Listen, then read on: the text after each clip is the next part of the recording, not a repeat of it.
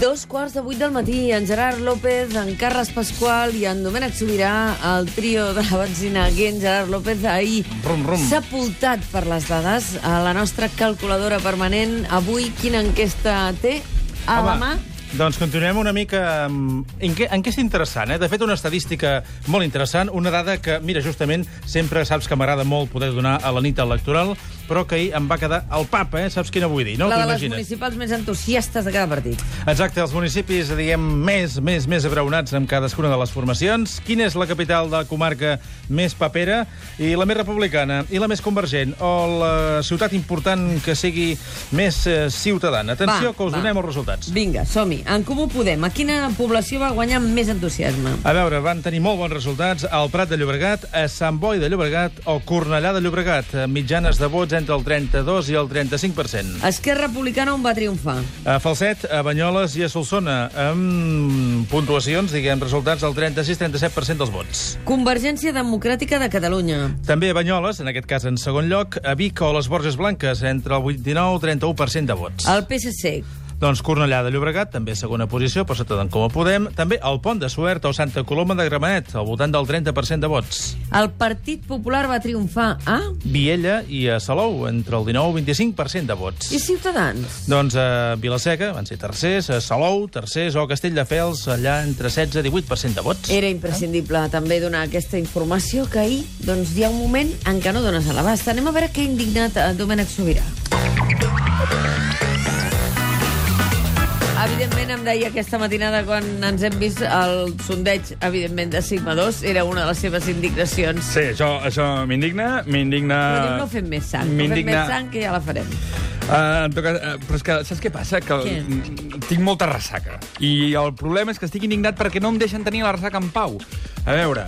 Quina és la eh, teva ressaca? Quina ha de ser la meva ressaca? La del Fernández Gate, la del Brexit, la de Sant Joan o la d'aquesta nit electoral?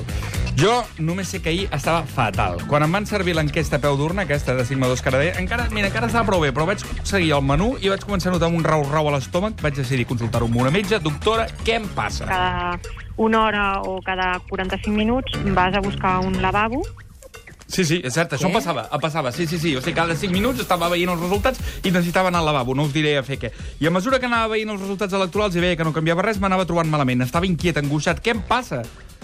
El cos com una reacció que fa de defensa, el que fa és que les teves artèries es- es- es- s'apreten, es, es contreuen. Es contreuen, sí, sí, ben contretes que estaven les meves artèries. Em va quedar un mal cos i, escolta, quan pensava en la casta, que, amb la pasta que ens ha costat una altra campanya per no res, em venia un mal de cap És del cos i, a, i a l'efecte es té al cervell, de les venes del, del cervell.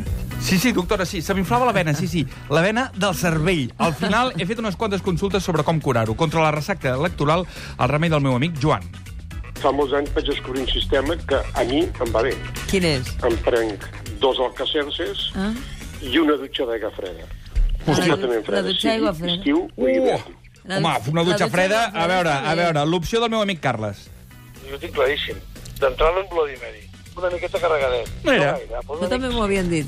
Mira, dutxa freda o Bloody Mary, però espera't, espera't, perquè em sembla que ara vindrà la borratxera dels pactes postelectorals, ja em torna a fer un mal al cap, ja decidirem què fem. Mira, eh, jo ja que tens tants amics que et donen bons consells eh, eh, per superar la ressaca, Domènec, potser en podries trobar un per algú que, abatut i frustrat, ha anunciat una renúncia important. Saps de qui et parlo? Sí, sí, sí, avui sí. Doncs eh, et parlo de Leo Messi, eh, que no pot més i després d'un cop i d'un altre, sí, eh, contra, eh, deia que després d'un cop i d'un altre contra el mateix mur, diu que li ha arribat l'hora de deixar-ho, que per ell l'etapa la selecció argentina s'ha acabat. Lo pensaba en el vestuario que ya está, se terminó para mí la selección. Como dije recién, son cuatro finales. Eh, no es para mí. Lamentablemente lo busqué, eh, era lo que más deseaba, pero creo que ya está. Com que et veig eh, tan posat, Domènec, en aquesta final, segurament que has vist eh, la imatge que deixa el partit, que és la dels plors de Messi, consolat pels companys, després que la frustració s'ha fet gran i encara més gran quan ha arribat la tanda de penals i ha estat l'encarregat de llançar el primer per a l'Argentina. No es un mega especialista Lionel Messi, pero es una figura que siempre tiene responsabilidad. Con Bravo se conocen de memoria. Silbatazo de Maluco, llega Messi.